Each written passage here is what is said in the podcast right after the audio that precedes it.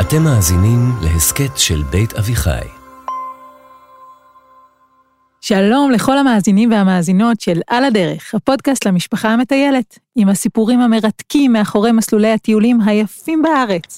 אני יוטבת, ואיתי, כרגיל, לירן. שלום לירן. שלום, שנייה רגע. מה רגע? התחלנו, לירן, את צריכה להגיד עכשיו שלום, לא להתעסק עכשיו בטלפון. מצטערת, סליחה. פשוט לדודה שלי יש יום הולדת, וכמו בכל שנה, מי אחראית לבחור לה מתנה? את? אני! וזה תמיד קשה.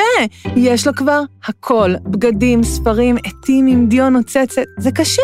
תגידי, היא אוהבת סיפורי מסתורין? כן, אבל היא קראה כבר את כל ספרי שרלוק הולמס, הארי פוטר, ואפילו איפה פינוקי. והיא אוהבת פסמים? האמת שכן, אבל אני לא יודעת איזה. יש בושם אחד שאני בטוחה שיעניין אותה. ואיפה משיגים אותו? בקניון. את, יוטבת, מציעה לי לצאת לקניון? זה לא בדיוק הקניון שאת חושבת עליו, אבל את תמצאי שם גם בושם מיוחד וגם סיפור מסתורי עם סוד עתיק שמתחיל בימי התנ"ך ומגיע עד ימינו. Mm, בושם וסוד, שתי מתנות. זה סוגר לי פינה גם לשנה הבאה. שנצא לדרך? על הדרך, הפודקאסט למשפחה המטיילת, עם לירן ליפשיץ ויוטבת פייר אייזנווייל.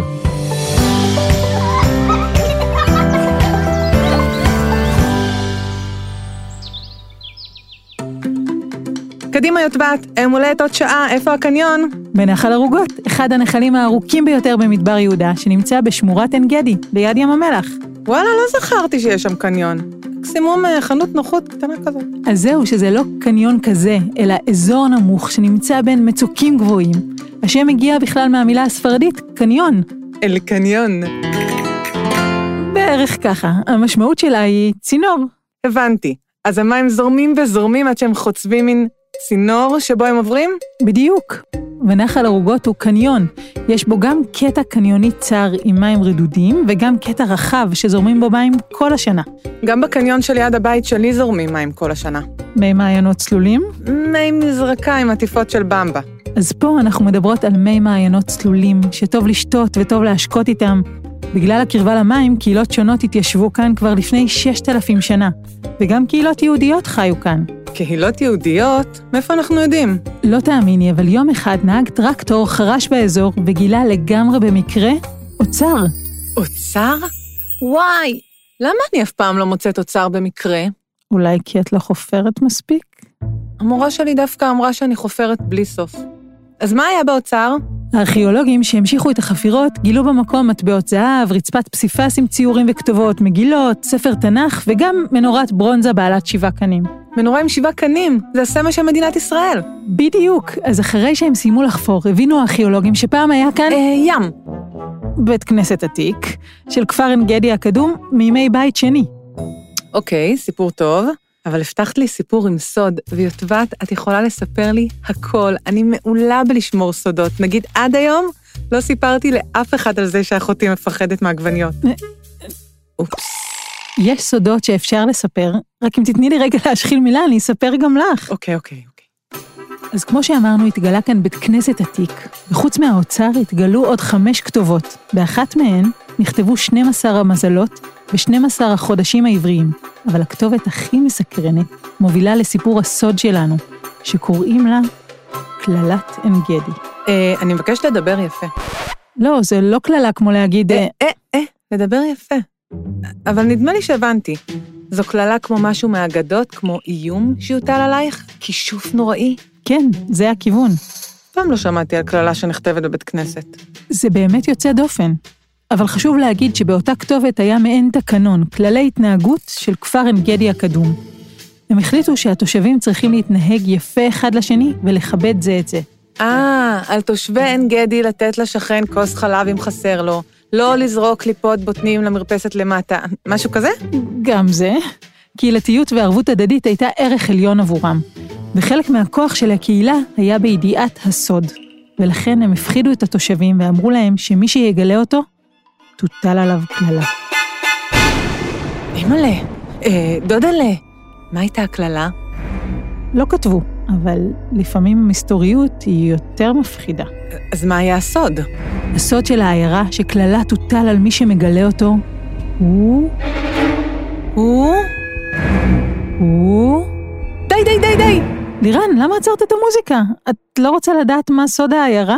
אה, רוצה, יותר מרוצה, אבל אני פשוט לא רוצה שקללה עתיקה תרבוץ עליי, ובטח לא על המאזינים שלנו. תחשבי מה יכול לקרות, אם פתאום כל אלפי המאזינים והמאזינות שלנו יקבלו בבת אחת קללה. מפחיד. אם זה מרגיע אותך, הסוד כבר נחשף בעבר, ב... ולא קרה כלום. את בטוחה? מאה אחוז, את ממש לא צריכה לפחד. אני לא מפחדת, אבל הסוד הוא...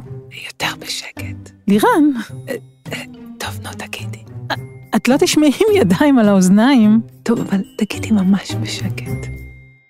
בושם האפרסמון. בושם אפרסמון? כלומר, כן.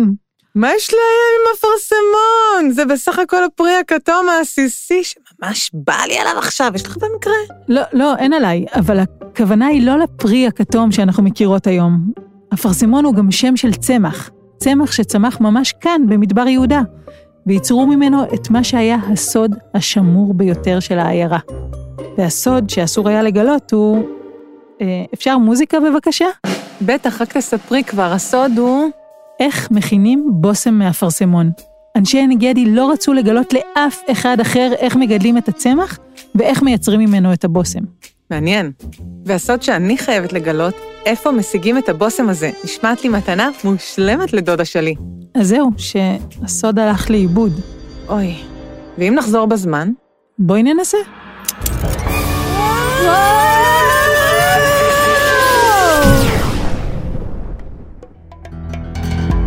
אוקיי, אז חזרנו כמעט אלפיים שנה אחורה. איפה כאן מחלקת הפסמים?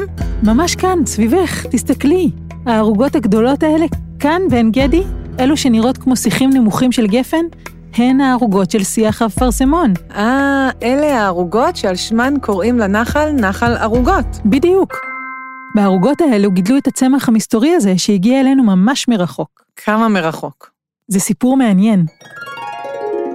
הימים הם ימי מלכות שלמה המלך, האיש החכם בעולם. השמועה על החוכמה שלו הגיעה למרחקים עד כדי כך שמלכת שבא ביקשה לפגוש אותו. והיא הגיעה? הגיעה כל הדרך מאפריקה לישראל. שלוש שנים לקח לה, כדי לחוד לו חידות ולבדוק אם הוא חכם כמו שאומרים. חידות? זו המתנה שהיא הביאה? מתנה מבאסת. אל תדאגי, היא הביאה גם מתנות של זהב ואבנים טובות, אבל אומרים שאחת המתנות המיוחדות שהיא הביאה לשלמה זה צמח האפרסמון. והוא אהב את המתנה? את יכולה להיות בטוחה שהוא אהב את המתנה הזאת. הוא הזכיר את ריח האפרסמון באחד הספרים היפים שהוא כתב, בשיר השירים.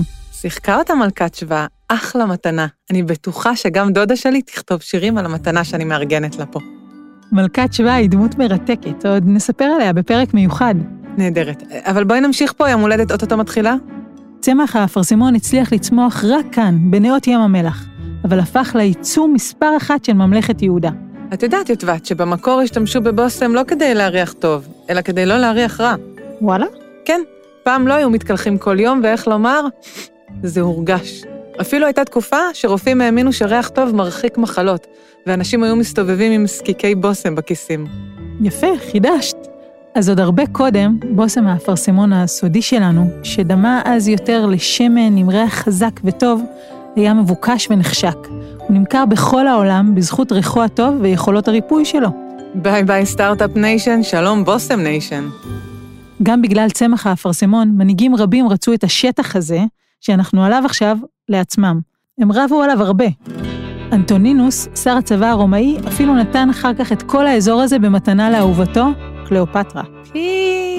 לא הייתי מתנגדת שמישהו יביא לי ערוגות אפרסמון נדירות או חבל ארץ במתנה. אבל אז הורדוס, מלך יהודה, דאג להחזיר את השליטה על האזור אליו. טוב, זה ידוע שהורדוס שולטת. אבל הרומאים התעקשו, והם רצו להשיג שליטה על עין גדי ולגלות את המתכון הסודי של הבושם, כדי למכור אותו בעצמם. תחשבי כמה כסף זה. הרבה? המון.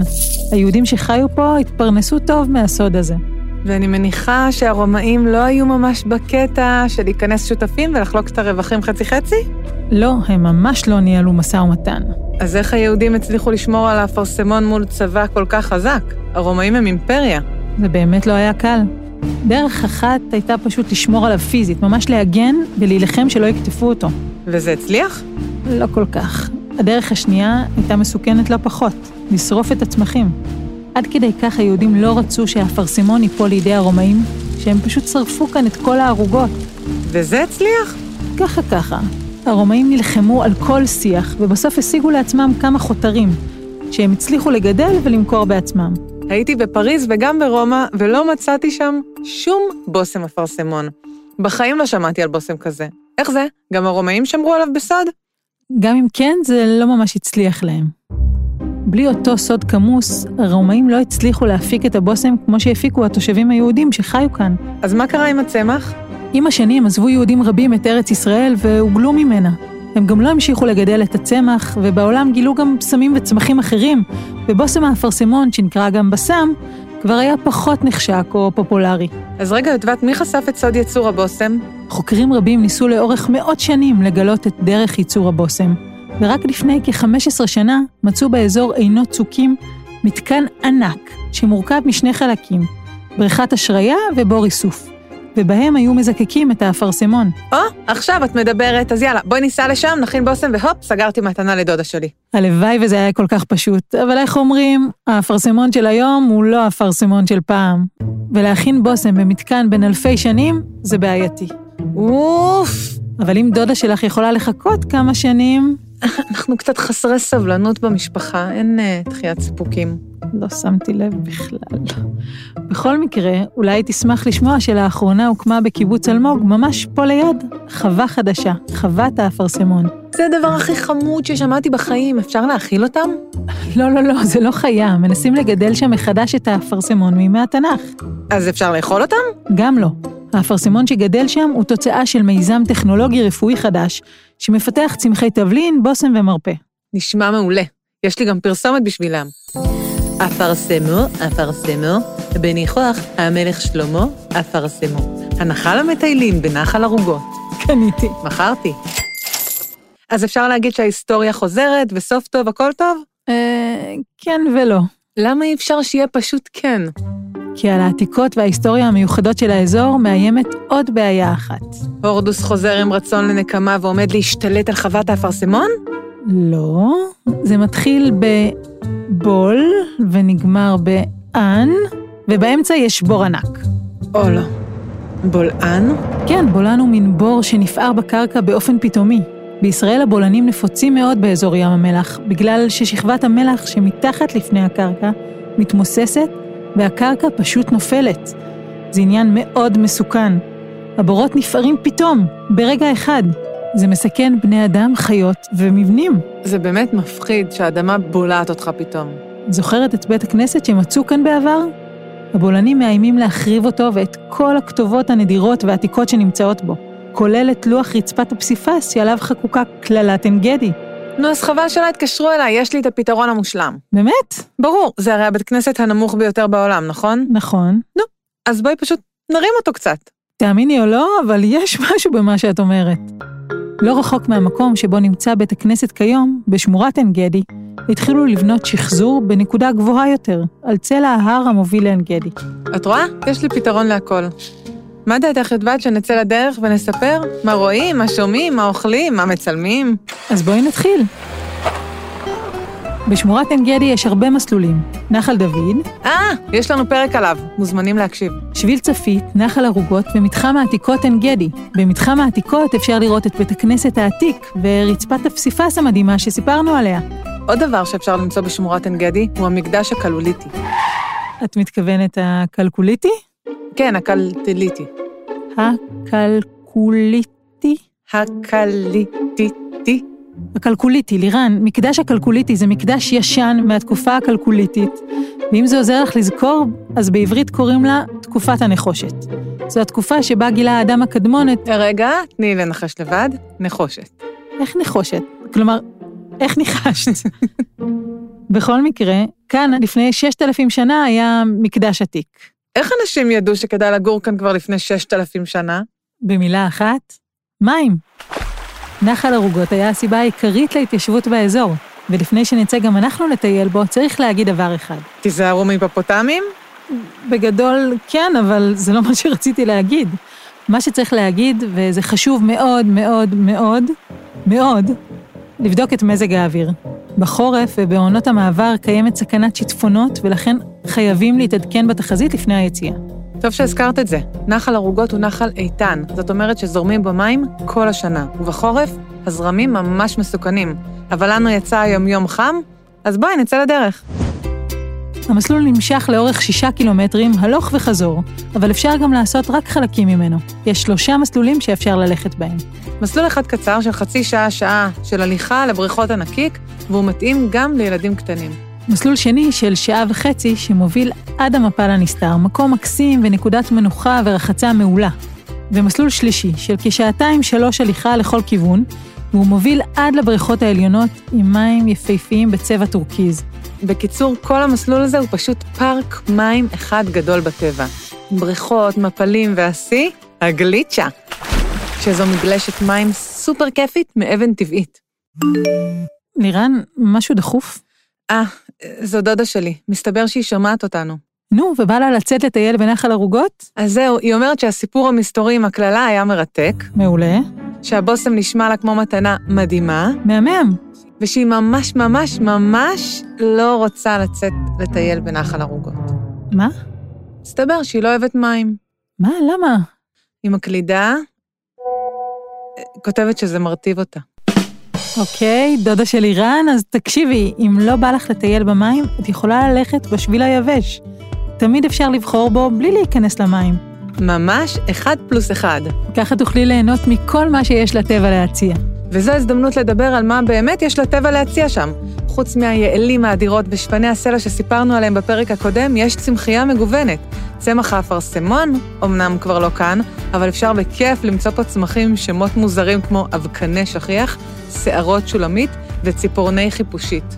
אין דבר כזה ציפורני חיפושית. רק רציתי לוודא שאת מקשיבה, אבל שערות שולמית זה כן משהו שקיים. הצמח הזה צומח על הסלעים במפלי הנחל, והוא אחד הצמחים הכי נפוצים בארץ. הוא קיבל את השם שלו מהפסוק בשיר השירים שכתב שלמה המלך שהזכרנו. שובי שובי השולמית, שובי שובי ונחזה בך.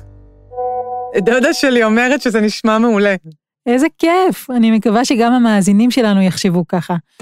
אז אם טיילתם בנחל ערוגות, ספרו לנו מה ראיתם, מה אהבתם ועד איפה הגעתם. ואם יש מסלול שתרצו שנספר לכם עליו, תכתבו לנו, ואנחנו מבטיחות ללכת הכי רחוק שאפשר כדי למלא את הבקשה שלכם. רגע, רגע, רגע. עמדו במקומותיכם ועיצרו הכל. מה זה?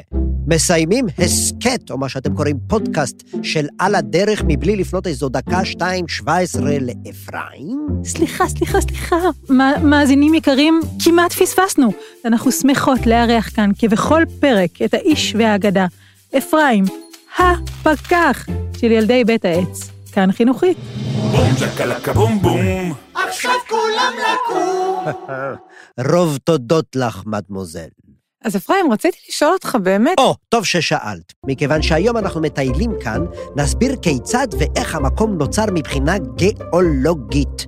המידע הזה יעזור לכם, מאזינים יקרים, בחיים בכלל, אך בטיולים שנתיים בפרט. למה דווקא טיולים שנתיים? או, טוב ששאלת, יקירתי. ממחקר שערכתי בטיולים שנתיים, נשאלו למעלה מ-12,209 שאלות על ידי המדריכים, אך לכולם הייתה תשובה אחת בלבד, השבר הסורי-אפריקני. מאזינים יקרים, אני יודע ששמעתם את המושג הזה עד בלי סוף, ומה אני אגיד לכם, ומה ארנן? אכן זהו מושג מפחיד ומאיים, אך היום נשים קץ לתופעת הפחד ממנו. מוכנים? הסכיתו ושמעו. אנחנו מסכיתות. בעבר, ואני מדבר ממש על העבר, כן, לפני מאות מיליוני שנים, כדור הארץ לא נראה כמו שאנחנו מכירים אותו כעת. יבשות אפריקה, אירופה ואסיה היו פעם מאוחדות ומחוברות. ואם תבדקו בבתים מול אטלס, גלובוס או סתם צג מחשב פנוי, תוכלו לראות ממש איך ניתן לחבר אותן כמו חלקי פאזל. הגיאולוגים קוראים להם לוחות טקטונים, והם ממש לא מפסיקים לזוז. כל תנועה שלהם היא רעידת אדמה. לא כביטוי, כאשר לוחות טקטונים זזים באמת יש רעידת אדמה. עכשיו, עכשיו, עכשיו, מה מצחיק? שאנחנו עומדים פה בעין גדי, בדיוק על גבול כזה בין שני לוחות טקטונים. נדיר, אה? אפרים, איזה פחד, בוא נברח מפה, אפרים. לא, לא, הרגעים, מה קורה לך? הלוח הטקטוני הזה זז עוד פחות מבן דודי שמעון זעתר, אשר תקוע על קייק בירדן מאז שנת תקפ"א. אולי אם תבקרו פה עוד 200 מיליון שנה, תראו הבדל. רושמת לתזכורת ביומן. מצוין, תמיד חשוב להיות מסודרים. בכל אופן, עכשיו עיצמו עיניים לרגע ותדמיינו את שני הלוחות האלה. אחד בישראל, האחר בירדן, הם מחליקים לצדדים מנוגדים, אחד למטה, אחד למעלה. מה קורה בדמיון שלכם? אה, נכון מאוד, ים המלח נולד, הכנרת נולדה, נהר הירדן נולד, וכך גם כל ההרים והעמקים שעומדים באותו קו שבר מפורסם. לכן, יוטבת ולירן היקרות, אני מקווה שבטיול השנתי הבא תצליחו לענות על כמה שאלות של המדריך שלכם. ברור. מעולה. אז אה, אה, כעת אני אצא לי לסיור שטח קטן. שמעתי שיש שם כמה מפלים מקפיאים בנופים הכי יפים בארץ. ניפגש בהסכת, או מה שאתן קוראות פודקאסט הבא.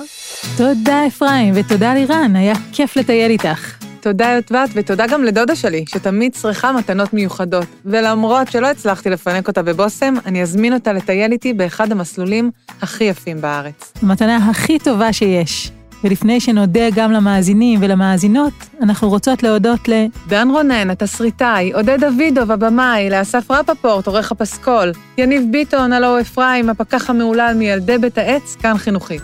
לאביב לוקס, יפתח קולניק, ענבל שמעון, צוות התחקיר המדהים שלנו, ולכל מי שמלווים אותנו. רננית פרשני, דינה בר מנחם, יובל מלכי. ותודה לכם, מאזינות ומאזינים יקרים. כהרגלנו, אנחנו מבקשות מכם, שמרו על הטבע, אספו את ההשפעה אחריכם ותשאירו את האוצרות הקסומים שלנו יפים, נקיים ונעימים. אל תשכחו שאנחנו הולכים במקומות שבהם הלכו כבר לפני אלפי שנים. ואם כל מי שחי כאן בעבר הצליח לשמור על הטבע, גם אנחנו יכולים. אז תהנו לכם, תדמיינו לכם, תאספו אחריכם. אנחנו כבר מחכות לכם בפרק הבא של על הדרך, הפודקאסט למשפחה המטיילת.